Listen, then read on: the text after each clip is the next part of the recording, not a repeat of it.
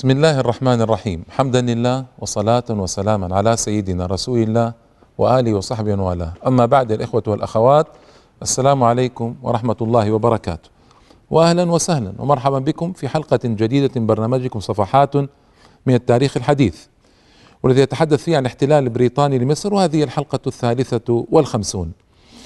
وهذه الحلقة خصصتها عن قضية المرأة في مصر ومدى التغريب الكبير الذي حصل على آه، النساء المصريات والمؤامرة الضخمة التي حيكت ضدهن ومن أجل أن يتركن الحجاب ويتركن تعليم الإسلام وينغمسن في التعاليم الغربية. في الحقيقة كرومر منذ أن وطئت أقدامه أرض مصر وهو يضرب على وتر المرأة الحساس. ويريد من المرأة أن تتعلم. وعندنا لا بأس تعليم المرأة. فالمرأة النساء شقائق الرجال لابد أن يتعلمن ولابد أن يتثقفن ولابد أن يفهمن. هذه قضية مفروغ منها.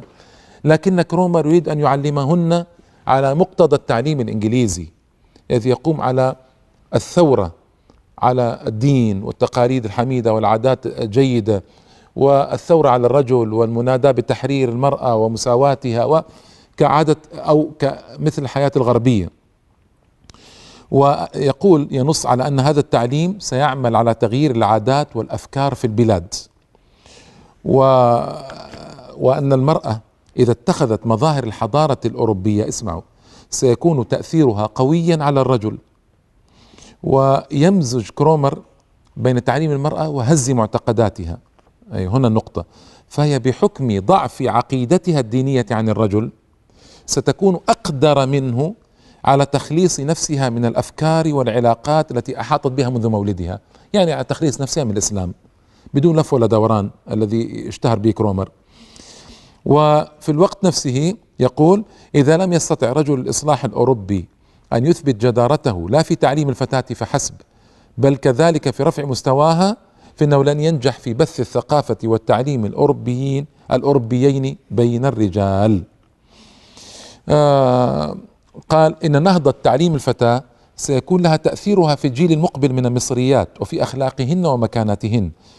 وهيهات أن يتشرب المقلدون المصريون روح التمدن الأوروبي إذا لم يحدث تغيير تدريجي تدريجي في مقام المرأة المصرية. هذه نقطة مهمة. ووضع كرومر سياسة تعليمية سار عليها الاحتلال وعمل على نشر التعليم بين فتيات المصريات.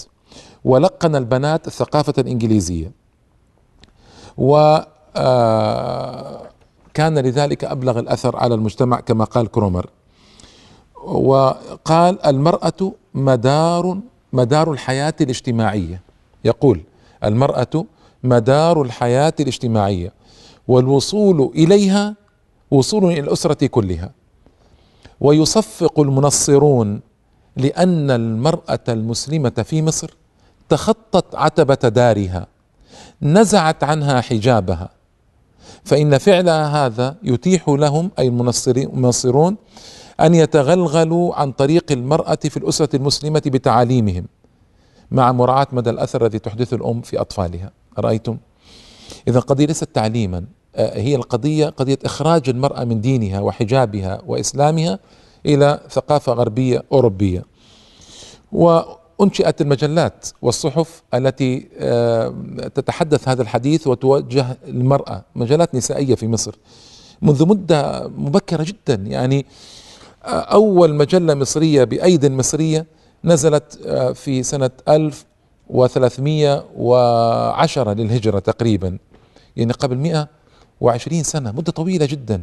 1892 بعد الاحتلال بعشر سنوات و المجلة منذ عددها الأول آه، تهلل بالملكة الملكة فيكتوريا ملكة إنجلترا وهي حامية الدين والإيمان. تصوروا امرأة مصرية تقول هذا الكلام مسلمة. حامية الدين والإيمان. وبعد عدة أعداد آه، تحدثت المرأة آه، تحدثت المجلة عن المرأة المصرية. وأن المرأة الإنجليزية وصارت آه، تعظم المرأة الإنجليزية وأن المرأة الإنجليزية خرجت آه، إلى العمل وأن المرأة الإنجليزية آه، استطاعت أن تكون أمينة على مالها وحقوقها وطلبه الحقوق السياسية إلى آخره آه، وتتحدث في كلام طويل عن عن أن المرأة أهل للحكم في بلادنا العربية والإسلامية وأيضا عدة مجلات أخرى صدرت في هذه القضية. آه، قاسم أمين أيضا معول آه، في هدم الأساس الذي آه، بنيت عليه علاقة المرأة في المجتمع المصري بالرجل وفي الأسرة وبالمجتمع. كان معول هدم لا شك في ذلك ولا ريب. حتى قال محمد فريد وجدي أحد المفكرين المصريين قال إن دعوة قاسم أمين أي بتحرير المرأة قد أحدثت تدهورا مريعا في الآداب العامة وأحدثت انتشارا مفزعا لمبدأ العزوبة وأصبحت ساحات المحاكم غاصة بقضايا هتك الأعراض وهرب الشابات من دور أهلهن.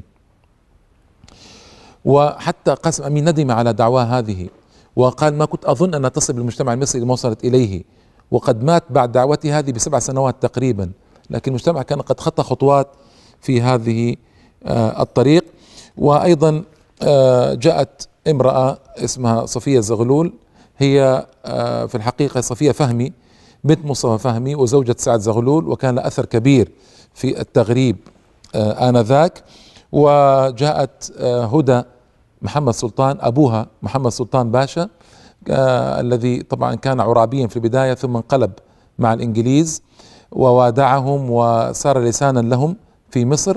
هذه تزوجت علي شعراوي أحد أركان الوفد وسمت نفسها آه هدى شعراوي باسم زوجها على الطريقة الغربية. هذا أيضا كان لها أسوأ الأثر في المجتمع المصري وجمعت نساء عديدات حولها وكونت طبقة من النساء المصريات يدن لها بالفضل وكان لها أثر سيء جدا في مصر ولكن الله تدارك مصر بفضل الله تعالى بالصحوة الإسلامية وببروز نساء جيدات وقفنا ضد هذا التوجه وهذا التيار وبفضل الله ومنته سقط هذا الخيار في مصر اليوم والمرأة المصرية اليوم على حجابها واستمساكها بالإسلام. وأظن هدى شعراوي لو بعثت اليوم في مصر لماتت كمدا وغيظا هي ورصيفاتها. آه هنالك كتاب مهم ظهر في مصر سنة 1894 آه سنة 1311 آه لمحام مصري آه نصراني اسمه مرقص فهمي. ووضع فيه خطة الإنجليز في مصر بأنهم يريدون على الحجاب يريدون إباحة اختلاط المرأة المسلمة بالأجانب تقييد الطلاق وبوجوب وقوعه أمام القاضي منع الزواج بأكثر من واحدة منع تعدد الزوجات إباحة الزواج بين المسلمات وغير المسلمين.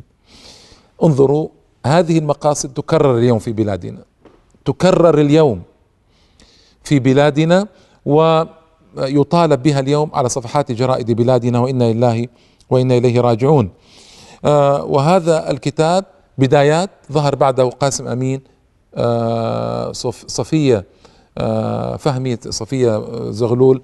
ثم هدى محمد سلطان سميت بهدى شعراوي وسهير القلماوي والنبراوي آه، وأمين السعيد ونوال سعداوي وكل هذه المجموعة التي ظهرت في مصر وكان لها أسوأ الأثر على الحياة الاجتماعية المصرية وعلى كثير من نساء مصر. لكن فضل الله تعالى اليوم هؤلاء لم تعد لهن قيمة وإنما برز الحجاب في مصر في مصر شامخا. بفضل الله تعالى ومنه. هنالك كلام طويل على أصل كتاب قاسم أمين وأن قاسم أمين آه أنا أريد أن أختصر في هذه القضية لكن ما أريد أن أهملها لأهميتها.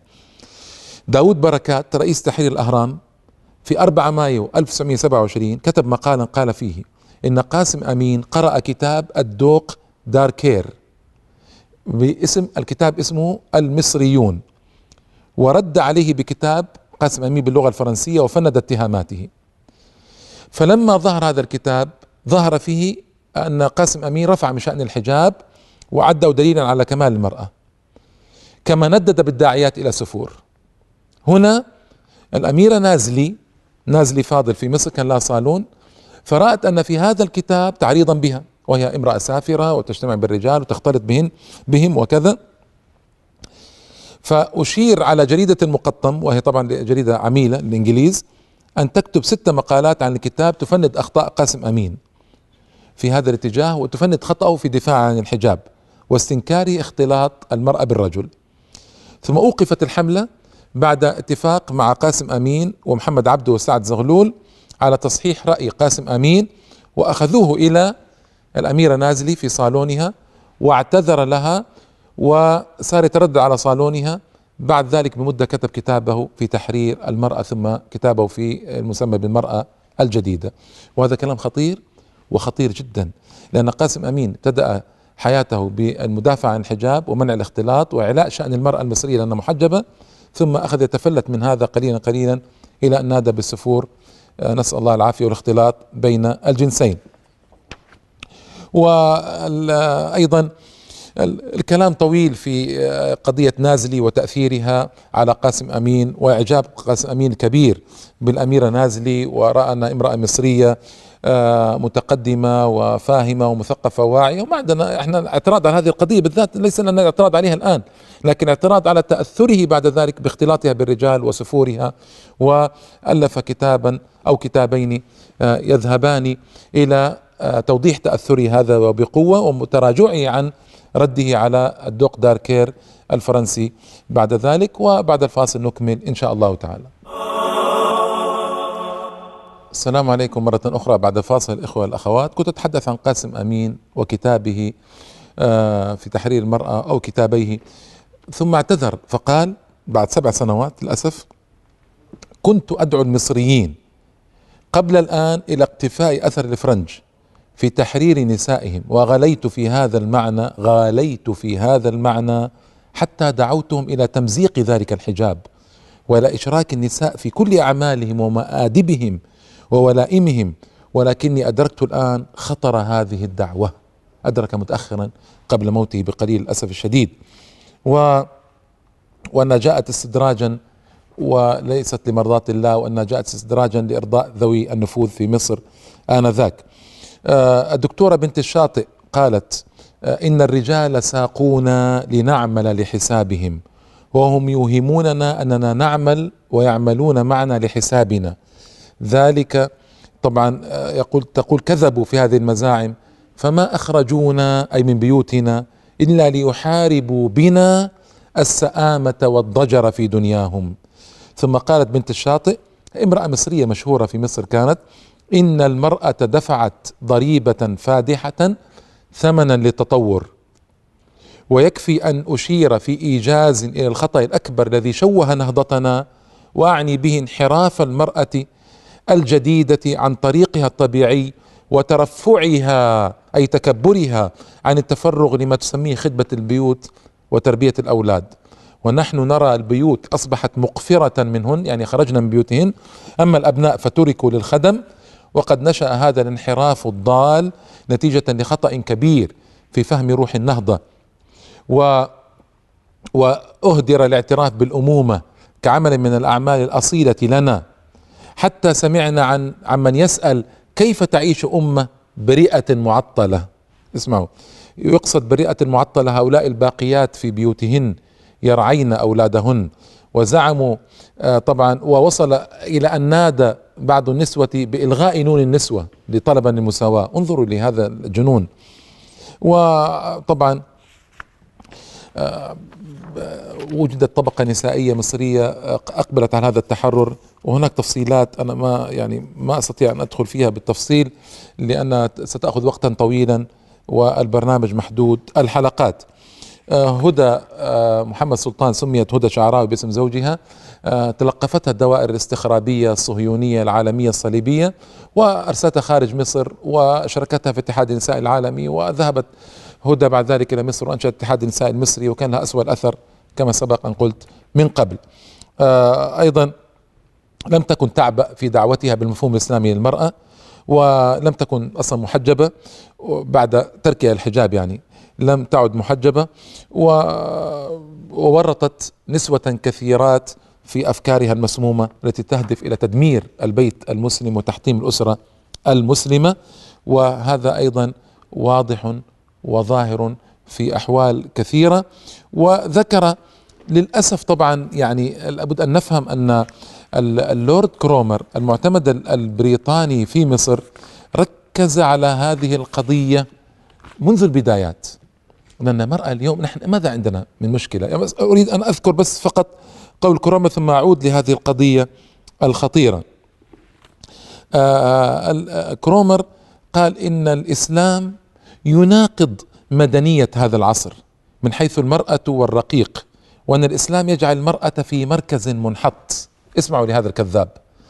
الإسلام الذي كرم المرأة ورفع درجتها وأعلى من شأنها منذ أربعة عشر قرن ونيف يقول إن الإسلام يحط بوضع المرأة وفي المجتمع وكرامتها.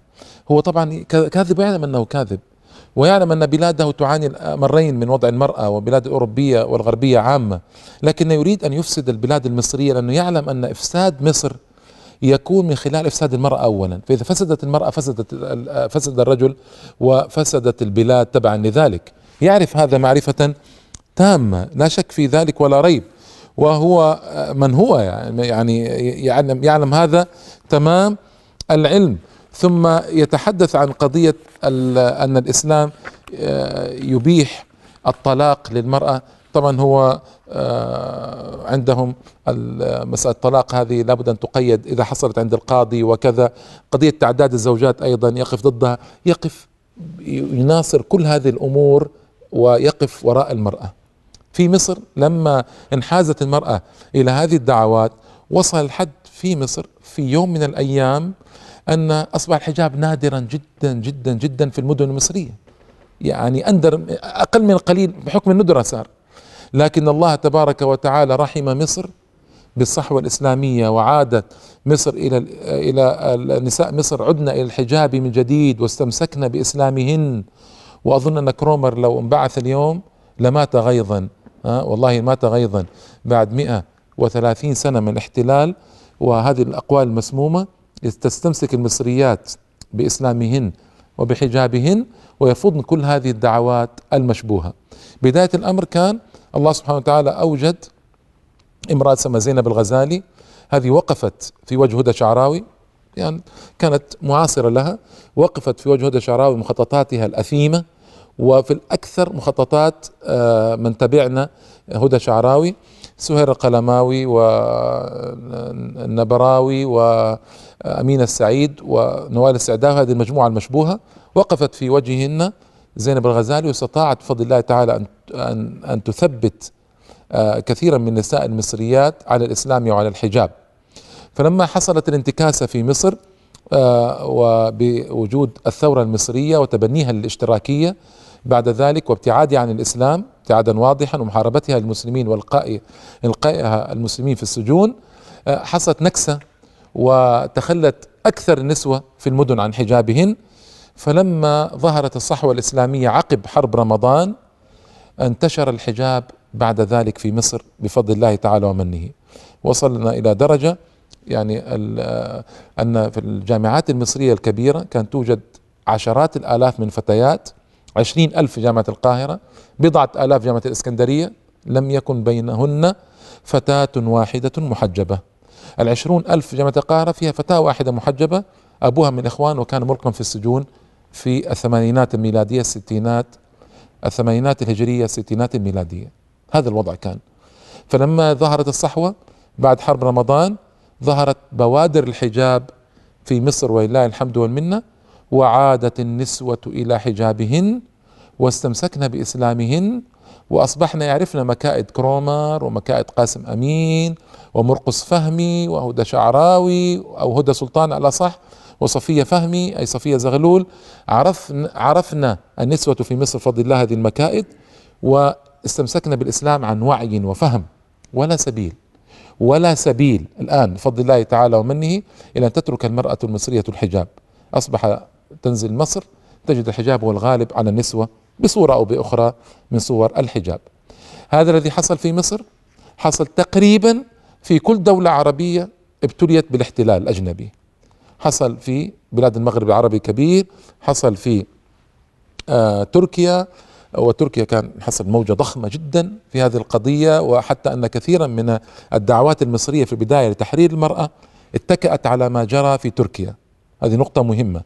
اتكأت على ما جرى في تركيا لأن الذي جرى في تركيا كان عبارة عن زلزال ضخم. مصطفى كمال أوجد زلزالا ضخما في تركيا غرب فيه المرأة بل غرب فيه المجتمع كله فمنع الحجاب وأوجب السفور على النساء وأوجب لبس قبعات للرجال ومنع الأذان ومنع الكتابة بالحروف العربية وحارب دعاة الإسلام وألقى بهم في السجون وغرب تركيا تماما. فكثير من المصريين المخدوعين قاموا واتبعوا آثار مصطفى كمال بالذات في قضية تغريب المرأة ومنع الحجاب.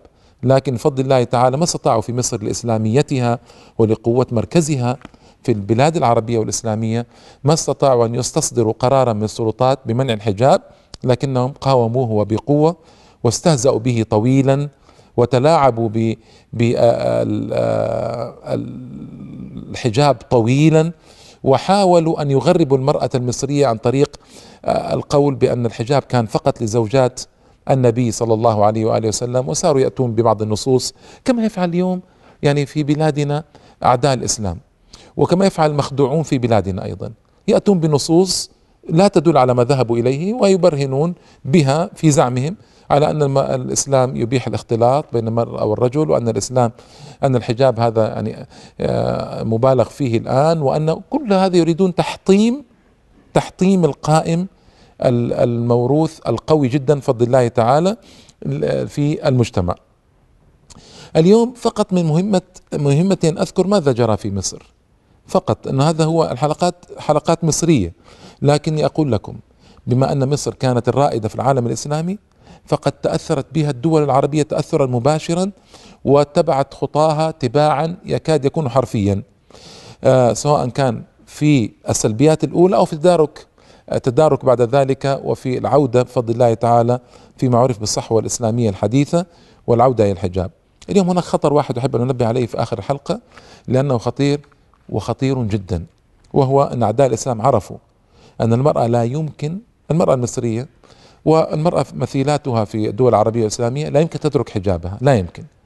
فاتجهوا إلى تفريغ الحجاب من مضمونه. يعني أن تغطي المرأة جسدها لكن هذا الغطاء لا يحقق شروط الحجاب. فأنا أريد من أخواتي أنتبهن لهذه الدعوة الجديدة. هذه دعوة قاسمية جديدة مثل دعوة قاسم أمين قبل مئة وعشر سنوات. هذه دعوة قاسمية جديدة اليوم. بأن تلبس المرأة وتغطي جسمها وتغطي شعرها لكن لا يحقق مضمون الحجاب.